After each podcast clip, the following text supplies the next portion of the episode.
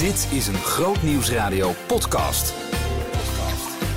Een groot personeelstekort bij Defensie. Ja, het komt niet uit de lucht vallen. Daarom bestaan die wervende programma's zoals Kamp van Koningsbrugge. En eh, Sarah Niesings is coach, adviseur en oprichter van Vrouw Zeker. En ze praat in brandstof over zelfvertrouwen en zeker leven. Groot Nieuwsradio podcast. Met Maurits Reinoud. Het is eh, week 49 en het is weer weekend als deze podcast uitkomt. Ik hoop dat jij ook weekend hebt in het weekend. Mijn vrouw heeft dat niet. Die werkt in de horeca. Die heeft weer op een ander moment weekend, zou je kunnen zeggen. Uh, midden in de week. Um, maar uh, misschien uh, kan jij wel op zaterdagavond lekker voor de buis zitten. En kijk je dan naar het programma Kamp van Koningsbrugge. Ik ben een trouwkijker. Ik heb alle vijf afleveringen al gezien. En ze zitten nu net in de fase dat ze de wapens moeten oppakken en moeten leren omgaan met stress op het, ja, op het slagveld, zou je kunnen zeggen. het moderne slagveld. En dat allemaal terwijl ze al nou, dagenlang nauwelijks geslapen hebben. Telkens maar een paar uurtjes dan worden ze weer uit bed getrommeld. Het is een uh, leuk programma om te zien hoe je als uh, nou ja, recruut uh, wordt gerecruiteerd voor het Korps Commandotroepen. En het is allemaal in de handen van uh, Jeroen van Koningsbrugge die dat presenteert. Uh, leuke entertainment, maar er zit natuurlijk iets aan vast, want ze hebben een personeelstekort bij Defensie. Riekold Pastenkamp is uh, journalist en volgt Defensie het departement op de voet.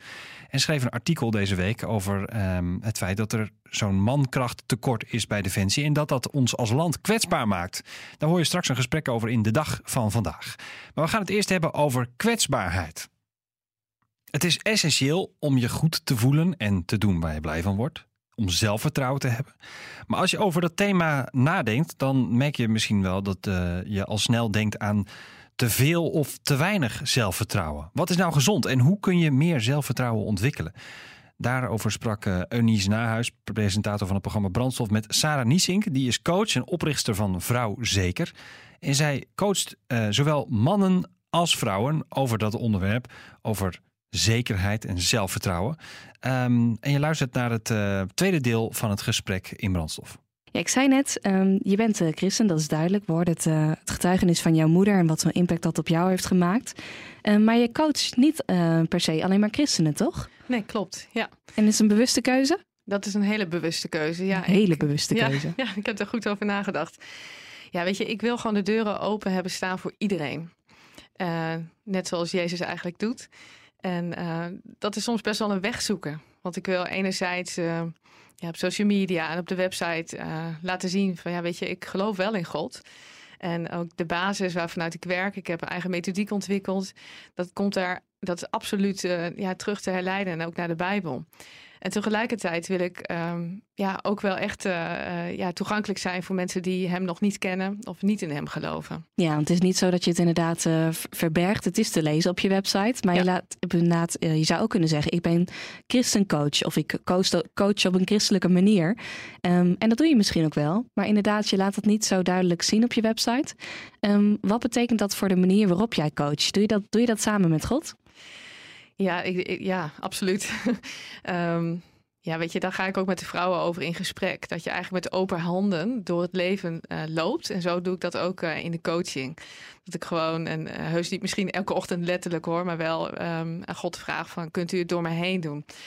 Um, en uh, ja, dat betekent ook dat, uh, ja, dat ik niet altijd enorm aan het evangeliseren ben of zo. Maar dat ik daarin gewoon volg wat er in mij opkomt. En dat is, um, nou ja, soms, ik vraag altijd wel gelijk hoor, van nou ben je gelovig of niet, weet je. Want als mensen wel christen zijn, dan uh, leg ik ook altijd uit hè, dat ik dat ook echt wel kan meenemen in de coaching. En dat ik ook voor mensen kan bidden. Maar als iemand niet christelijk is, dan uh, vertel ik altijd wel dat ik dat wel ben. En als er daar nog eens vragen over hebben, dat ze die altijd kunnen stellen. Mm. Je zei, um, ik vraag inderdaad wel aan God van, nou, kun, eigenlijk kunnen we dit samen doen. En wat, wat merk je daar dan van? Juist door het te, los te laten ontstaan er eigenlijk soms hele mooie momenten. Ik heb wel eens gehad dat ik al een half jaar onderweg was met iemand die, ja, ze was eigenlijk contact met God wat kwijtgeraakt. Ze, ze gaf ook aan dat ze eigenlijk niet meer in God geloofde. Op een gegeven moment was er een moment, ik dacht, ik moet dit gewoon zeggen, weet je. En ik moet hem me ook vrij voelen om uh, ja, te, uit te spreken wat in mijn hart opkomt. Um, en dat leg ik dan ook wel zo uit. Van, joh, dit is nu wat in me opkomt. Vind je dat oké? Okay? En uh, dan getuig ik wel. En dan ontstaan er soms zulke mooie momenten. Of dan kan ik juist wel bidden met iemand. En terwijl we eigenlijk al wel een half jaar verder zijn. Mm, gaaf zeg. Ja, dat is heel mooi. Ja, bijzonder. Um, je zei het al, je hebt een uh, methodiek ontwikkeld. Want eigenlijk is dat natuurlijk een beetje de vraag van vanochtend. We willen natuurlijk allemaal werken aan meer zelfvertrouwen, meer zelfvertrouwen krijgen. Die methodiek, kun je daar eens wat meer over vertellen? Jazeker. Ja, uh, de methodiek heet Zeker en Echt Leven. En uh, dat bestaat eigenlijk uit uh, verschillende effectief gebleken hulpverleningsmethodes. Hè, zoals de cognitieve gedragstherapie komt daarin terug. Maar ook bijvoorbeeld een bepaalde methode. Dat is eigenlijk de enige effectief gebleken methode voor mensen met een negatief zelfbeeld, de COMET die, komen dat, die elementen komen daarin terug, maar ook mijn werkervaring en mijn levenservaring. En de methodiek bestaat eigenlijk uit drie onderdelen. En de, de eerste gaat over um, ja, het ontwikkelen van een goede basis van zelfwaardering. En dat gaat eigenlijk over je zelfbeeld. En daarna gaan we aan de slag met het leren van een aantal vaardigheden waarin je echt kan groeien, persoonlijk leiderschapvaardigheden. En tenslotte gaan we aan de slag met daadkracht, met lef in het leven staan. Oké, en die eerste, die zelfwaardering, dat is denk ik al een hele grote stap voor veel mensen. Hoe ontwikkel je dat dan, dat je dat meer krijgt? Nou, dat is ook de stap waar we vaak het langst mee bezig zijn. En wat ik soms, uh, nou, ook in de andere coaching uh, zie, dat, dat, dat dat een beetje ontbreekt. En dan krijg je eigenlijk trucjes met van, nou, hoe kun je omgaan met de dingen in het leven. Wat voor trucjes? Nou, bijvoorbeeld uh, hè, als je met een dominante collega uh, in gesprek gaat, dan, uh, hè, dan moet je dit en dit en dit doen. Weet je, maar als jouw zelfbeeld eigenlijk heel negatief is, of een beetje negatief, dan kun je die trucjes wel toepassen, maar uiteindelijk zul je onzeker blijven voelen. Dus ik geloof dat het belangrijk is dat je eerst aan de slag gaat met de basis. En dat zijn dan ook vaak de overtuigingen die je hebt over jezelf. Negatieve overtuigingen. Nou, die ontstaan eigenlijk door de dingen die je meemaakt in het leven. Dat kunnen grote dingen zijn misschien heb je te maken gehad met uh, misbruik of geweld. Oh, uh, veel mensen hebben te maken gehad met uh, pesten bijvoorbeeld. Maar weet je, dat kunnen ook hele kleine dingen zijn. het is gebleken dat zelfs bijvoorbeeld één opmerking van een docent, bijvoorbeeld op de basisschool, diepe impact kan hebben. Ja, voor een laag zelfbeeld, dat uh, wil niet altijd zeggen dat je mega heftige dingen hebt meegemaakt. Hè? Nee, precies. Nee. nee. ik zit er ook wel eens over na te denken van je kunt, um, ook al heb je nog zo'n fijne jeugd gehad, je bent bijvoorbeeld opgevoed in een christelijk gezin, je hebt gevoeld dat je ouders van je houden. En alsnog, volgens mij moet iedereen er vroeg of laat mee dealen hoe je bent geworden en hoe je je ontwikkeld hebt. Ja, daarom denk ik ook dat als het gaat om zelfvertrouwen en zelfbeeld, dat iedereen daar wel in een bepaalde fase in zijn of haar leven wel tegenaan loopt. En dat komt ook gewoon terug. Weet je, dus dat is wel jammer natuurlijk. Van hey, verdorie, kom ik er nooit van af. Maar je kunt er echt wel in groeien. Mm, ja. ja. Maar juist door die ervaringen die je meemaakt, of dat nou grote of kleine dingen zijn, kun je bepaalde overtuigingen over jezelf ontwikkelen. En vaak is dat uh, te herleiden naar ik. dat je het gevoel hebt dat je niet goed genoeg bent, niet leuk genoeg bent, dat je niet mooi genoeg bent of niet slim genoeg bent.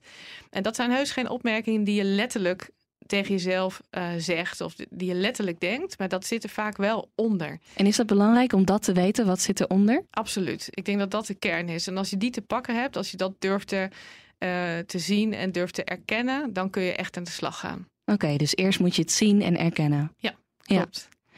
Kan God ons zelfvertrouwen geven? Ik denk juist door, uh, dat is wat ik in de coaching doe, dan, ga ik, dan leer ik eigenlijk de vrouwen om meer naar binnen te gaan. En we zijn vaak heel erg gericht op anderen. Wat vinden anderen van ons? Of hoe kijkt de wereld tegen ons aan? Of wat doen anderen? Moet ik dan ook, ook zo doen, zeg maar? Um, terwijl ik geloof dat als je naar binnen gaat, dat je het daar vindt. En daar is ook Wat God bedoel je daarmee? Naar nou, binnen God. gaan? Hm. Nou, um, dat, je, dat je eigenlijk ook ja, dicht bij jezelf leert leven. En dat is dus ook naar binnen gaan. Dat je eigenlijk kijkt van wat, wat speelt er nou hier in mij? Uh, wat voel ik? Wat denk ik? Wat komt er in me op? En in jou, daar ben je zelf te vinden. Maar God is de grote ik ben. En dus in jou is, ben je, daar zit je zelf. En maar daar zit God ook. Dus of God jou zelfvertrouwen kan geven, denk ik, ja, volgens mij is dat de plek om te zijn. Mooi. Ja. En dat is vereist dus denk ik elke weer, keer weer opnieuw een afstemmen daarop. Precies, ja. ja. En dat vinden we vaak heel lastig. Hè? Worden afgeleid. Ik ken het zelf ook door de drukte van het werk. Ik heb zelf twee kinderen.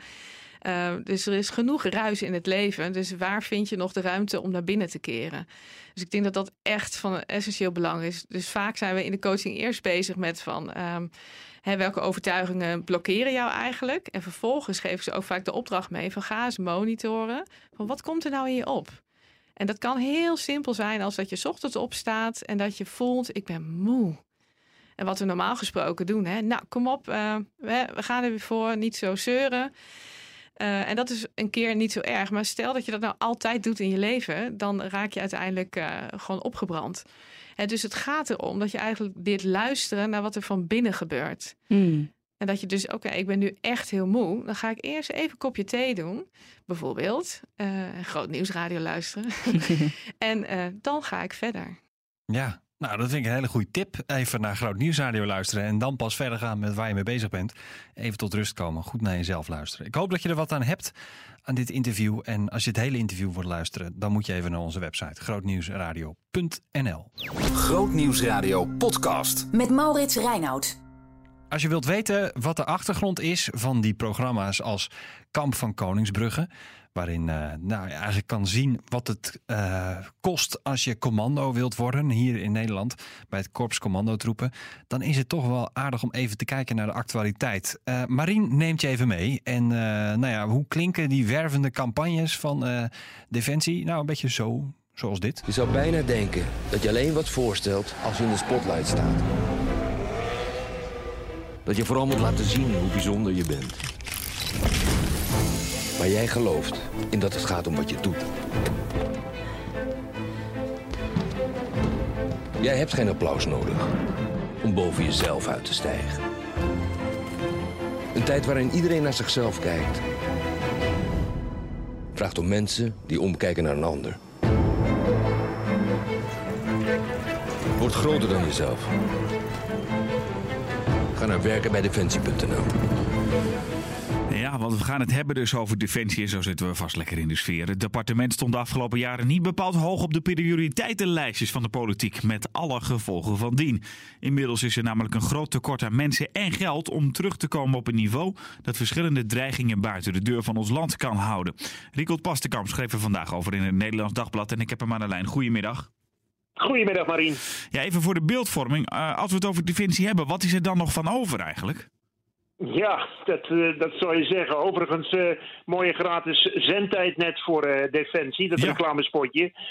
want ze hebben hard mensen nodig. Er zijn 8000 vacatures oh. bij de krijgsmacht op een totaal van 60.000 militairen en burgers. Dus er is nog wel wat van over, eh, als je dat zo beschouwt. Maar vergelijk het met eh, de tijden van de Koude Oorlog. Toen de Russen nog onze vijand waren, ja, dan uh, is het wel tot een minimum gekrompen. Ja, hoe, hoe, 8000 vacatures. Hoe is, dat, hoe is dat grote tekort ontstaan? Nou, uh, dat is ontstaan omdat uh, tien jaar geleden uh, kabinet Balkenende ging bezuinigen op defensie. er moest een miljard euro toen van af. Dat heeft minister Hillen destijds doorgevoerd, CDA-minister. Ik zeg dat bewust omdat ik er straks even op terugkom. 1 miljard op een begroting van toen 8 miljard. Uh, dus ja, dan begrijp je wel dat er mensen en materieel weg moesten. Uh, bijvoorbeeld uh, werden alle tanks die we hadden bij de Koninklijke Landmacht, die werden aan de kant gedaan. die hebben we dus niet meer. de vloot, de marine werd uitgekleed. Mm -hmm. En ook bij de luchtmacht moest men de F-16's cannibaliseren om ja, met elkaar nog wat vliegend in de lucht te houden. dus dat zag er allemaal niet best uit. En bij zo'n organisatie wil je natuurlijk niet werken. Dus de mensen liepen ook weg en er kwamen geen nieuwe terug. En dat resulteert nu in uh, 8000 vacatures. Ja. Hoe is dat eigenlijk vergeleken met landen om ons heen? Um, die kampen daar ook mee, vooral in de techniek. Uh, uh, daar vissen heel veel uh, bedrijven en overheidsinstanties in dezelfde vijver. de vraag naar technische mensen. Uh, alleen je ziet uh, nu in landen als bijvoorbeeld Duitsland, maar ook het Verenigd Koninkrijk, uh, in België, dat er meer geïnvesteerd gaat worden in defensie. Het betekent dus dat er nieuwe spullen ook aangeschaft kunnen worden en dat jongeren weer geïnteresseerd kunnen raken om een baan bij de krijgsmacht te willen. Nou, dat is waar minister Bijleveld, ook van het CDA, naartoe wil. Want zij heeft een nota naar buiten gebracht onlangs, Defensievisie 2035. Ja. En ze zegt ronduit, en eh, tien jaar geleden bezuinigde het CDA dus, ze zegt nu ronduit, er moet geld bij. Want we kunnen niet, zoals de huidige krijgsmacht eh, nu is, de vijand buiten de deur houden. Ja. Hoe hopen ze dat dan te doen? Want dat, inderdaad, dat document dat is er nu. Maar hoe hopen ze dan inderdaad dat allemaal weer omhoog te krijgen? Nou, ze hebben een, eh, de- die, die visie uitgebracht, de krijgsmacht, hoe die er over 15 jaar uit moet zien. Dat moet allemaal slimmer, meer high-tech. Eh, je moet je specialiseren. Eh, een uitspraak is: de volgende, eh, het volgende conflict komt uit het stopcontact. Dus Mhm. een hybride oorlog, zeg maar. Ja, daar moet je mensen voor hebben. whiskids, nerds die daar in thuis zijn. En dat kost natuurlijk allemaal geld. Nou, ik schets je dat de begroting voor defensie van 2021, dus volgend jaar, die bedraagt 11 miljard euro. Mhm. En minister Bijleveld eh, schetst een beeld dat daar 13 tot 17 miljard euro bij moet. Dus dat is meer dan een verdubbeling om dit allemaal te kunnen betalen. Willen we eh, over 15 jaar eh, ja, de troepenopbouw in Rusland en China te lijf kunnen gaan? Willen we de onrust aan de randen van Europa een beetje kunnen beteugelen? En misschien nog wel belangrijker, willen we terreuraanslagen en hekpogingen voorkomen? Ja. Eh, als er nu niets verandert, hè, dat geld komt er bijvoorbeeld niet. Wat zijn daar dan de gevolgen van? Ja, dan kunnen we Ja, ze niet zal- weerstaan, dus ja. Nee, ja, dan zal eh, de, de krijgsmacht langzamerhand, eh, ik zou bijna zeggen, vergrijzen. Want dan zal er geen instroom zijn eh, als dat budget eh, er niet komt. Eh, en zul je dus toe moeten naar ja, samenwerking met, met andere landen binnen Europa of binnen de NAVO. Overigens, die NAVO heeft gesteld dat ieder land, ieder lid van de NAVO, moet 2% van zijn bruto nationaal product besteden aan defensie. 2%. ja. Nou, Nederland bungelt ergens onderaan aan, in die NAVO-lijstjes, want wij besteden op dit moment 1,4 procent. Oh ja. Dus NAVO-gewijs gezien moet er ook wel geld bij. ja. Eh, wordt dit eigenlijk nog een puntje in de verkiezingen komen, eh, komende maart? Absoluut. Ja, ik denk dat eh, defensie, veiligheid, sowieso wat ik net opzomde, terreuraanslagingen, hekpogingen, iets, ja, de, de, de aanvallen die wij niet zien, zeg maar, die per computers gebeuren, dat dat zeker een onderwerp van de verkiezingscampagnes wordt. En staatssecretaris Visser van Defensie, die Mhm. ook achter deze visie staat, die zei: Ja, ik heb nog geen enkel concept verkiezingsprogramma gezien waarin niet wordt bezuinigd op defensie. Dus ja, zij heeft goede moed dat alle partijen er wel wat geld eh, bij willen, al zal het variëren in eh, getallen. Maar dat het een onderwerp wordt, is zeker. Zijn er ook, eh, ja, er zijn natuurlijk ook geluiden van mensen die zeggen: ja, we moeten dat gewoon in Europa samen aanpakken. Dus we kunnen in, in die zin zelf wel bezuinigen, natuurlijk op defensie dan. Nou ja, dat is de vraag of je dan kunt bezuinigen. Kijk, specialisatie eh, eh, en met elkaar dingen doen eh, kost ook geld. Er is een heel actueel voorbeeld. Vandaag in de Tweede Kamer bespreken ze niet alleen deze defensievisie, maar ook het feit dat Nederland nieuwe onderzeeboten moet aanschaffen. De- we hebben er nu vier en men wil er vier voor terug. Dat kost een lieve duit van 3,5 miljard euro. Ja, dat kun je natuurlijk ook samen met andere landen eh, gaan doen, die dingen bouwen en ze straks eh, bemensen. Eh, maar dat wil niet zeggen dat je ze dan niet hoeft te kopen. Dus eh, eh, samenwerken, ja, maar dat blijft denk ik eh, qua investering gewoon dezelfde hoeveelheden geld. Ja, dat kan nog een interessant eh, thema worden bij de verkiezingen. eh, de Tweede Kamerverkiezingen in maart komend jaar. Komende week op Groot Nieuws Radio. Ja, ik zou willen zeggen, blikken we alvast vooruit op die Tweede Kamerverkiezingen. Maar dat, dat kan ik niet beloven. Nee, dat is een beetje afhankelijk van de actualiteit. Je weet nooit wat voor storm er opsteekt in Den Haag. Eh, we blijven dat in ieder geval volgen. Dus eh, luister naar de dag van vandaag en naar de nieuwe morgen voor al het laatste nieuws bij Groot Nieuws Radio. Wat we sowieso gaan doen volgende week, en dat is wel bijzonder. We gaan een campagne aftrappen. Ik mag er nog niet al te veel over zeggen, maar we gaan een campagne aftrappen waarin jij wordt aangemoedigd om, eh, nou, misschien een beetje licht te laten schijnen in je, in je omgeving. Rondom de kerstdagen. Ik kan er nog niet te veel over zeggen. Er komt een eh, artiest live optreden eh, op vrijdag. Dus eh, zorg dat je luistert naar Groot Nieuws Radio. Tot volgende week. Oh ja, en als je deze podcast op tijd luistert, dan is deze nog wel even van belang voor je. Hoeveel oliebollen ik op oudejaarsavond wil eten? Ja, die vraag komt me even wat te vroeg hoor. Maar een belangrijke vraag is wel: welke muziek wil je dan horen in de top 1008? Ik